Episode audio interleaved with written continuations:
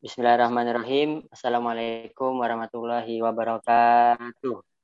Waalaikumsalam warahmatullahi wabarakatuh. Kembali lagi bersama kita di podcast Salim dan Zaka ya. Zakair. Nah, lama banget jawabnya.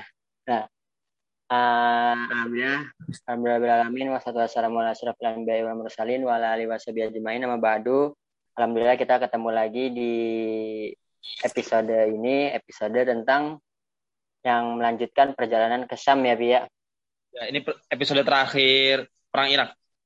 Nah, episode terakhir perang Irak. Nah, oh ya teman-teman, sebelum kita mulai podcastnya, Ane mau kenalin dulu nih ke teman-teman. Kita ada satu orang baru nih teman-teman yang bakal nemenin bincang-bincang kita. Nah, langsung aja nih ya buat Ucup. Silakan perkenalkan diri, Cup. Iya, terima kasih, Om Bro. Uh, saya perkenalkan diri dulu. Nama saya Yusuf Falih. Bisa dipanggil Ucup. Hobinya olahraga-olahraga sama membaca buku-buku sejarah. Siap, membaca buku-buku sejarah. Nah, teman-teman mulai dari episode ini Ucup bakal menemani kita, jadi kita bertiga untuk bincang-bincang sejarah ini. Nah, lanjut aja langsung ke materinya. Di mana sih, Pi? Uh, keberangkatan pasukan muslim ke Syam itu ada apa aja? Jadi kan terakhir kita membahas tentang bagaimana perjalanan Khalid di perang Firot ya. Perang terakhir tuh yang ada di perbatasan antara Hmm. Romawi dan Nah, setelah itu Khalid menetap 10 hari di sana. Setelah menetap 10 hari, Khalid menyuruh pasukannya untuk pulang menuju kota Al-Hira, yaitu kota basis utama ekspansi kaum muslimin di Irak. Nah, pada saat balik ke kota Al-Hira, Khalid itu berjalan di belakang, Bo. Di belakang dan secara sengaja gitu, Khalid itu belok, belok menuju ke Makkah untuk melaksanakan haji. Jadi dia tuh kayak semacam uh, kalau ibaratnya lagi perjalanan nih, oh ini di belakang aja. Eh ternyata pas udah di belakang dia malah belok gitu ke tempat lain. Nah, kira-kira kayak gitu bayangannya. Iya, iya, iya. Jadi, jadi Khalid mungkin lelah kali ya, jadi ingin apa beribadah dengan khusyuk kepada Allah Subhanahu wa taala setelah hampir setahun gitu berada di medan perang, Badan apa, perang. dengan pedang, dengan pasir, dengan kuda, dengan darah. Dia ingin hidup yang lebih tenang gitu. Makanya dia apa? Dia berhaji. Akan tetapi ini hajinya itu ilegal. Jadi hajinya itu tidak izin kepada Khalifah Abu Bakar As-Siddiq. Akhirnya setelah Khalifah Abu Bakar tahu, nah Khalifah Abu Bakar tahu ini dari mana? Khalifah Abu Bakar di, dikasih apa ya? Khalid itu dicepuin gitu sama orang-orang Madinah. Jadi kan kalau orang haji itu kan pasti dari seantero seantero dunia Islam kan. Salah satunya Iya. dari Madinah. Karena Abu Bakar As-Siddiq itu tinggal gitu. Nah, setelah haji itu selesai, orang-orang Madinah yang sebelumnya berhaji bilang, "Wahai khalifah, kok saya melihat Khalid bin Walid di Mekah ya? Padahal kan seharusnya dia ada di Irak gitu." Nah, ada yang cepuin gitu, Cup. Nah, Parah iya, banget. iya, iya. Cepuin. Nah, akhirnya Khalifah Abu Bakar As-Siddiq menegur Khalid bin Walid karena dia itu berhaji tanpa izin. Karena kan bisa jadi ya, tindakan Khalid yang tanpa sepengetahuan Khalifah ini bisa jadi membahayakan posisi kaum muslimin di Irak. Benar nggak, Bo? Benar-benar. Nah, gitu. Nah, eh, berarti berarti tuh berang- keberangkatan Khalid Haji itu ilegal ya, Pi? Ya benar. Setelahnya, Bo, setelahnya Khalifah Abu Bakar As-Siddiq itu memerintahkan Khalid empat hal. Jadi pada saat menegur kan, menegur kan pasti melalui surat ya, Bo ya. Iya. Dalam surat itu juga tercantum empat hal. Yang pertama, Khalifah Abu Bakar As-Siddiq menyuruh Khalid bin Walid supaya meninggalkan Irak menuju Syam. Dengan harapan apa? Dengan harapan agar Khalid dapat menaklukkan wilayah Syam tersebut. Karena wilayah tersebut sedang berusaha ditaklukkan oleh pasukan kaum muslimin yang lain gitu. Yang nanti bakal saya ceritakan di episode selanjutnya. Kemudian pesan yang kedua ya, ya tadi Khalifah memberikan peringatan kepada Khalid bin Walid agar tidak berpe- bepergian selain daripada izin Khalifah Abu Bakar As-Siddiq.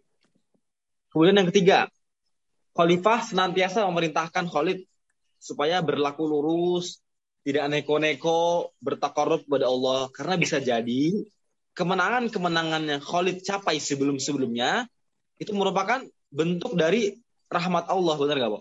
Pertolongan Benar. Allah. Seandainya Khalid nanti bermaksiat atau nyeleneh-nyeleneh, bisa jadi rekor kemenangannya itu pecah. Benar nggak, Bo? Iya, iya. Iya. Bisa, bisa. Dan yang keempat, karena kan Khalid ini kan sudah apa ya? 11 kill lah. Udah 11 kali pertempuran secara berturut-turut gitu, nggak kalah-kalah. Khalifah juga Iya. memberikan teguran bukan teguran ya, peringatan kepada Khalid bin Walid agar terhindar dari sifat ujub gitu. Jadi biar dia tuh nggak nggak sombong, nggak Iya. merasa wah aneh daripada orang-orang. Aneh udah berhasil mengalahkan Persia dalam 11 pertempuran secara beruntun. Jadi itulah pesan-pesannya eh, Khalifah Abu Bakar As-Siddiq kepada Khalid bin Walid. Oke, nah, nah tadi kan yang ente bilang, Pi, eh, Abu Bakar Abu Bakar nih nyuruh Khalid bin Walid menuju Syam, meninggalkan Irak, ya enggak? Nah, ya benar. itu ada nggak sih, Pi, peng- apa siapa sih pengganti kepemimpinan Khalid di Irak, Pi? Nah ya, kan sebelumnya ini kan posisi Khalid bin Walid di Irak kan sebagai pemimpin tertinggi kan. Nah, Kan tapi karena Khalid disuruh pergi sama Abu Bakar ke Syam, makanya kepemimpinan tertinggi itu dikasih ke salah satu apa ya bahasanya orang kanan lah, tangan kanannya Khalid bin Walid, namanya Al Muthanna bin Harithah. Pertanyaannya adalah mengapa Al Muthanna yang dipilih? Al Muthanna ini dipilih karena pertama dia itu orang lokal. Kan sebelumnya sudah pernah kita, cerita- kita ceritakan ya Bu, bagaimana Al Muthanna itu rela mengalah Bu dalam masalah kepemimpinan ekspedisi ini kan. Kan sebelumnya ada Khalid bin Walid dan Iyad bin Qanam. Al-Muthana ini Hmm. kan disuruh bergabung ke pasukan Khalid, benar nggak, Bo? Benar. Nah, kemudian Khalifah Abu kan berjanji akan memberikan kepemimpinan ini ketika Khalid sudah pergi, benar nggak? Iya, Nah, benar. karena Khalid sudah pergi, makanya Khalifah memberikan jabatan kepemimpinan ini kepada Al-Muthana bin Harithah. Itu yang pertama, dia orang lokal. Yang kedua, karena dia orang lokal, dia orang yang paling tahu tentang kondisi geografis Irak, sehingga nantinya dia bisa membuat garis pertahanan yang efisien dan kuat gitu dari gempuran-gempuran yang akan datang yang datang dari Persia seperti itu. Juga kan alasan ketiga ya, bahwa ini berlanjut ke alasan ketiga. Al-Muthana bin Harithah ini banyak memberikan informasi intelijen pada saat sebelumnya di bawah pimpinan Khalid bin Walid. Jadi misalnya Khalid bin Walid ingin menyerang suatu tempat kan dalam 11 pertempuran itu ya. Pasti Al-Muthana udah ngasih informasi, "Wahai Khalid, nanti pasukan musuh bakal begini, pasukan musuh bakal begini, bakal begini." Pokoknya Al-Muthana bin Harithah ini selalu memberikan informasi yang tepat, informasi intelijen kepada Khalid bin Walid seperti itu. Oke, berarti Al-Musana ini adalah orang yang sangat cocok ya, Pi, buat menggantikan Khalid bin Walid untuk menjadi pemimpin Irak. Lagi pula ya, Bo ya, kan dalam pertempuran itu kan faktor penentu belum eh bukan hanya strategi yang matang, benar nggak, Bo? Tapi intelijen yang kuat. Jadi misalnya nih, eh, dulu ya, dulu Indonesia kan merdeka tanggal 17 Agustus. Indonesia ber- berani memerdekakan diri karena kan sebelumnya sudah pernah dapat bocoran tentang menyerahnya Jepang kepada sekutu kan. Iya, benar. Artinya Indonesia mendapatkan informasi intelijen kan. Nah, makanya Iya. dia berani dan akhirnya menang melawan Jepang. Kalau seandainya orang-orang Indonesia seperti Sultan Syahrir dan kawan-kawannya tidak mengetahui berita menyerahnya Jepang kepada sekutu, bisa jadi Jepang tetap betah di Indonesia, benar nggak? Betul. Benar. Dan jadi belum gitu, kurang lebih nyampe ya. Tiga. Nah, jadi informasi intelijen juga nggak kalah penting dengan strategi yang matang. seperti itu. Oke. Nah, terus gimana tuh, ceritanya Khalid bin Walid bersama pasukan muslim menuju Iraknya, Pi? Eh, menuju Irak, sorry, menuju Syam. Syam. Nah, jadi sebelum berangkat, Khalifah Abu Bakar As-Siddiq berpesan kepada Khalid bin Walid agar memprioritaskan orang-orang yang berangkat itu berasal dari orang-orang Arab Arab Hijaz. Berasal dari orang-orang Arab Hijaz dan meminimalisir orang-orang Arab Irak. Mengapa? Karena orang-orang Arab Irak itu lebih berhak, lebih pantas gitu ya, lebih pantas untuk mempertahankan rumahnya sendiri. Artinya bersama Al-Muthana di Irak gitu ya. Sedangkan orang-orang Arab Hijaz ini yang mereka tuh lebih veteran, Bo. Mereka kan sebelumnya sudah ikut perang bersama Rasulullah misalnya, perang melawan orang-orang murtad, perang Riddah yang sudah kita jelaskan juga di episode-episode sebelumnya, benar nggak, Bo? Benar. Jadi orang Arab Hijaz ini lebih kaya akan pengalaman. Sehingga mereka akan bisa beradaptasi dengan cepat dengan strategi Khalid yang sangat dinamis ini. Benar nggak, Bu? Kan Khalid kan orangnya sangat dinamis ya, Bu. Tektokannya tuh cepat banget. Dari strategi A, strategi B tiba-tiba berubah. Nah, kalau seandainya orang-orang Arab Irak yang berada di bawah pimpinan Khalid, bisa jadi mereka susah beradaptasi dengan apa ya gaya kepemimpinan Khalid yang seperti itu. Sedangkan orang-orang Arab Hijaz itu kan sudah terbiasa bersama Khalid dari perang Yamamah, benar nggak, Bu?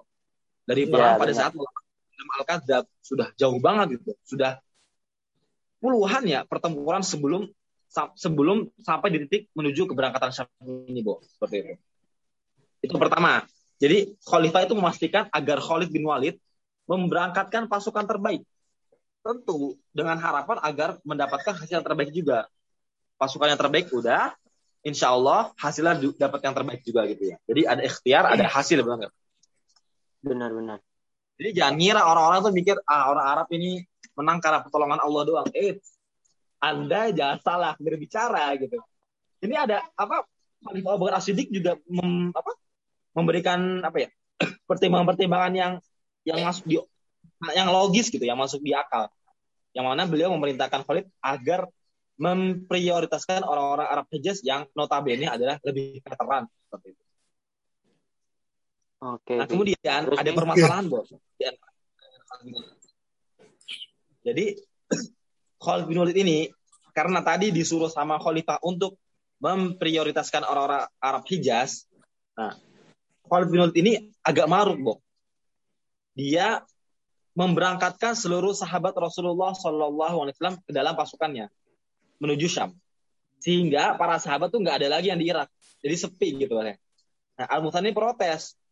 Wahai Khalid, ya minimal sisain kita lah berapa orang sahabat gitu kan. Bisa jadi dengan adanya sahabat di Irak itu membawa keberkahan bagi kita bagi orang-orang Benar. Irak.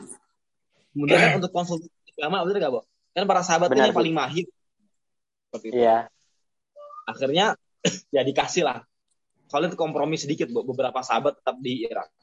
ada seperti Abdullah bin Mas'ud, ada Hudzaifah bin Yaman, itu mereka tuh veteran-veteran perang Irak, bukan perang Syam, beda. Beda sahabat.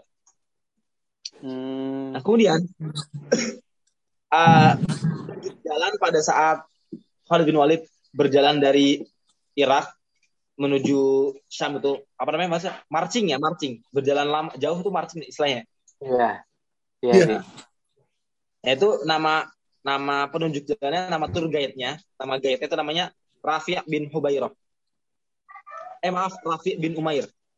Rafi' bin Umair ini dia tuh dikasih sama Khalid ini Khalid bilang gini wahai Rafi kita lewat jalan yang paling cepat. Berarti lewat jalannya ini aja yang paling berbahaya. Awalnya Rafi ragu wahai Khalid kita ini nggak mungkin lewat jalan paling lewat jalan itu. Walaupun itu jalan paling cepat tapi itu paling berbahaya. Berbahaya kenapa? Pertama oase-oase jarang. Jadi bakal jarang sumber air minum gitu, sumber air bersih. Yang kedua, sedikit perkampungan-perkampungan yang bakal kita lewatin. Artinya mereka nggak bisa mensuplai ulang makanan atau misalnya beli baju baru gitu. Maksudnya kayak apa ya? Supply lah, supply pokoknya. Jadi jalan Ya. tersebut tuh sangat susah. Mana gersang lagi. Seperti itu.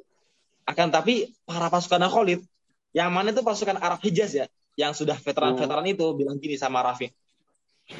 Wahai Rafi, ente tahu kan kalau seorang musafir itu yang dikhawatirkan sama seorang musafir itu sama orang yang melakukan perjalanan hanyalah keselamatan dirinya. Jadi selama kita bakal selamat selama kita bakal selamat nyampe Syam mau lewat jalan yang paling susah kek, yang paling gampang kek, udahlah kita lewat aja gitu. Karena kan yang penting itu sampai. Bener gak, Bu? Betul. Benar, benar. Jadi gitu kata karena Khalid. Hal ini menunjukkan bagaimana loyalitas yang tinggi dari pasukan Khalid kepada komandannya itu Khalid bin Walid. Nah, singkat cerita, Khalid bin Walid itu nyampe ke ke Syam. Nah, Salah seorang jenderal, Bu, ada jenderal Jerman namanya. Eh, ini lupa namanya ya, Bu ya. Seorang jenderal Jerman. Oh ya, namanya itu sebentar, Mahmud Syed. Jenderal Mahmud Syed ini berkomentar bahwasannya Khalid bin Walid adalah orang yang sangat gila. gila dan hebat. Karena gurun yang dilewatin aja, gurun yang dia lewatin, itu dulu pas Perang Dunia Satu, itu tuh nggak berhasil, Bo, dilewatin oleh pasukan-pasukan Inggris. Karena memang saking ekstrim dan panasnya. Akan tetapi, pasukan Khalid itu berhasil melewati gurun tersebut hanya selama lima hari. Wah, Hmm. Ya. udah Betul. orang-orang udah fisiknya kuat, mentalnya cakep, keren lah ya, Bi. Ya Veteran. udah emang all in. all in. Emang udah veteran. All in. One. Nah, terus gimana, Bi? Nah, kemudian kita flashback ke Irak. Kan Irak ini ditinggalin ya, Bo ya. Irak ditinggalin Betul. sama Khalid bin Walid. Jadi Al-Muqtanna sekarang yang, yang berada di apa di tampuk kepemimpinan gitu. Nah, salah satu jenderal Persia namanya Hormuz itu tuh meremehkan. Bahasanya gini. Aduh, enak bener nih sekarang nih. Khalid udah nggak ada di Irak nih. Udahlah kita rebut kembali aja kali ya. Soalnya kan yang selama sel- yang selama ini jadi- gangguan kita kan Khalid bin Walid doang. Oh, Nah, kemudian- iya, iya. Kisra, Kisra tuh kaisarnya orang Persia, orang Persia ini bilang gini sama Al-Mutanna lewat surat. Wahai Al-Mutanna, sesungguhnya aku akan mengirim kepada kalian prajurit yang terdiri dari orang-orang liar Persia. Mereka adalah para penggembala ayam dan babi. Jadi emang mungkin konotasi serem zaman Persia dulu ya, itu penggembala ayam sama babi gitu. Kalau sekarang kan mungkin preman-preman pasar atau mafia-mafia gitu ya. Cuman parameter kengerian orang-orang Persia dulu itu penggembala ayam sama babi gitu. Jadi ketika disebut penggembala ayam sama babi, oh berarti ini pentolan nih. Oh, berarti ini orang-orang serem nih gitu. Iya, iya. Nah, Jadi parameternya berbeda. Jadi jangan nggak usah ketawa kok penggembala ayam. Ya itu beda zaman ahli. Beda, beda kultur, bener nggak? Beda budayanya. benar-benar. Nah kata Kisra ini, aku pasti akan melibas kamu dengan orang-orang liar ini. Al-Muthana jawab suratnya Kisra ini. Eh, Kisra, ente ini cuma antara dua orang. Yang pertama, ente pembohong. Mak- Maksudnya adalah ente nggak ada nggak ada tuh bakal kirim orang-orang liar gitu, pembohong gitu. Atau yang kedua, ente tuh pengecut. Kenapa pengecut? Kenapa Al-Muthana bilang Kisra pengecut? Karena kan pada faktanya ya, sebelum-sebelumnya itu Persia selalu kalah betul gak, Pak? Nggak pernah menang. Benar, Bi. Iya, nggak Artinya pernah dia menang. ngomong doang, ngomong doang. Gede doang di omongan, tapi disuruh ribut ciut gitu bahasanya. Takut, iya. Heeh. Dia takut. Nah. Ngeri juga surat ini. Ya Al-Musanna emang udah udah apa, Terus, terus. over PD lah. Ya nggak apa-apa wajar Hmm. orang udah menang belasan pertempuran sekaligus bersama Khalid bin Walid. Siapa yang berani ya? Iya. Kayak misalnya misalnya klub-klub bola apa sih klub-klub bola yang superior tuh misalnya ya PSG gitu kan di Liga Prancis kan pasti dia over PD kan karena emang sudah menang berturut-turut atau misalnya Juventus atau apa gitu. Jadi Iya, wajar benar. aja meremehkan lawan. Itu kan juga sebagai itu cuk apa? Perang psikologi cuk, cyber. Benar, Jadi untuk mengintimidasi lawan kan gitu. benar, benar, benar. Karena kan sebelumnya Isra meni- mengintimidasi Al-Muthana, benar nggak? Makanya Al-Muthana intimidasi balik biar mental dia itu apa? nggak turun gitu bahasanya. Hmm. Menyikapi hinaan Al-Muthana ini, Isra mengirim Hormuz tadi jenderal Persia itu untuk menyerang kota Al-Hirah. Jadi kota Al-Hirah itu cuk, ini ada sungai Eufrat namanya, sungai, Eufrat. Di sebelah barat, di sebelah kirinya sungai Eufrat, di sebelah sisi baratnya itu ada kota Al-Hirah, tempat atau basis kota utama di Irak untuk ekspedisi umat Islam. Jadi kayak ibu kota sementara kayak checkpoint lah, checkpoint. Hmm, Kayak tempat nongki base base-nya. hmm, hmm. Di seberang timurnya, di seberang sungai Eufrat itu ada kota namanya Babylon. Nah, mereka ini Al-Mutanna dengan dengan pasukannya Hormuz ini bertemu di Babylon tersebut. Itu kan mereka berarti artinya Al-Mutanna harus nyeberang sungai dulu ya, Cup ya. Nyeberang sungai Eufrat kan. Iya. Ketika mau nyeberang sungai Eufrat, itu mereka tuh berteriak satu sama lain, "Woi, siapa yang nyeberang duluan nih? Aneh atau ente?" Kata Al-Mutanna. Habis itu kata orang Persia aneh aja. Era orang Persia yang nyeberang, Cup, nyeberang kota Al-Hira. Dan ini pertempuran pertama, Cup. pertempuran pertama Persia menggunakan gajah. Jadi nanti suka lihat kan Cup, di film-film apa film-film yang klasik-klasik gitu Romawi lawan Persia, Persia pakai gajah gitu kan. Gajah yang ada tameng apalah gitu. Nah, Persia ini pakai gajah. Kan orang-orang Islam itu kan pakai kuda, Cup. Pakai kuda Arab-Arab gitu kan. Nah, kuda-kuda ini ternyata takut Cup sama sama apa? Sama Gajah. gajah. Sehingga apa ya? Kavaleri kaum muslimin yang biasanya efektif melawan orang-orang Persia itu jadi nggak efektif. Jadi kudanya itu berhamburan. Kudanya kayak berontak gitu lah, kudanya berontak. Iya, iya. Melihat situasi ini, Al Mutana tuh langsung cup maju bener-bener maju kayak apa ya? Apa ya bahasanya? Aksi bunuh diri lah bahasanya. Maju lurus langsung duel sama Hormuz di tempat. Jadi dia tuh kayak langsung ke posnya Hormuz itu kan. Biasanya kalau jenderal-jenderal kan di belakang ya, Cup ya. Tempatnya kan. Nah, si Al Mutana ini langsung memacu kudanya menuju tendanya Hormuz. Dan ketika duel, Hormuz berhasil terbunuh. Jadi emang Hormuz ini cuma kayak jenderal gendut yang cuma sok jago ngatur doang, tapi disuruh duel mati gitu. Kayak kayak jenderal-jenderal zaman Lang- sekarang nggak tuh? Ngincernya, ngincernya langsung jantung ya, udah langsung langsung ke jantung Iya, aja. langsung ya. jatuh, Cuk. Iya benar benar. Jadi gitu. Jadi ya singkat cerita pasti orang-orang Persia karena melihat jenderal mati mereka mengundurkan diri.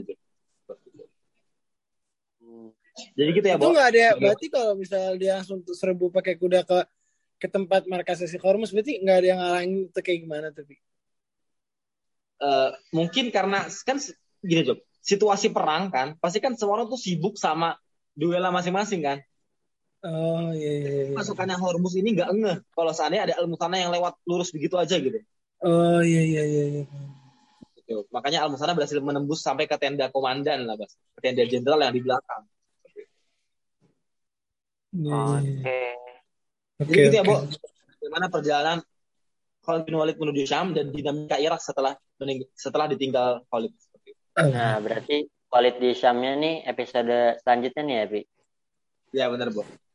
Wah, Iya. pasti bakal seru nih ya Khalid di Syam nih ya, lawan orang-orang Romawi nih. Man. Iya. Nah, Kita kan juga belum ceritain Bo. Orang-orang Syam ini siapa aja, apa jenderal-jenderal Syamnya.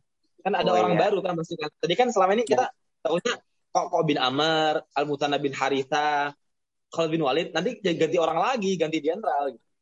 iya siap tokoh-tokoh baru ya, Yes. Pi, orang-orang baru. Benar. Oke, jadi Oke. gitu teman-teman episode kali ini. Nah, episode selanjutnya insya Allah bakal lebih seru lagi. Kita bakal bahas namanya eh, Khalid di Syam ntar. Banyak Khalid yang Syam. baru-barunya ntar. Nah, jadi gitu. Ada lagi nggak Upi yang di, Cup, yang ditambahin? Cukup, cukup. Cuma nanya Cukup ya? Cukup cukup. Cukup, oke. Eh, jadi segitu dulu teman-teman. Buat teman-teman yang belum dengerin episode selanjutnya, bisa didengerin dulu di episode-episode sebelumnya biar nyambung sama apa yang dibahas sekarang. Sekian dari Ane Upi sama Ucup. Kurang lebihnya mohon maaf. Jangan lupa disebarin ke teman-teman kalian biar makin bermanfaat ilmunya. Sekian. Wassalamualaikum warahmatullahi wabarakatuh. Waalaikumsalam warahmatullahi wabarakatuh.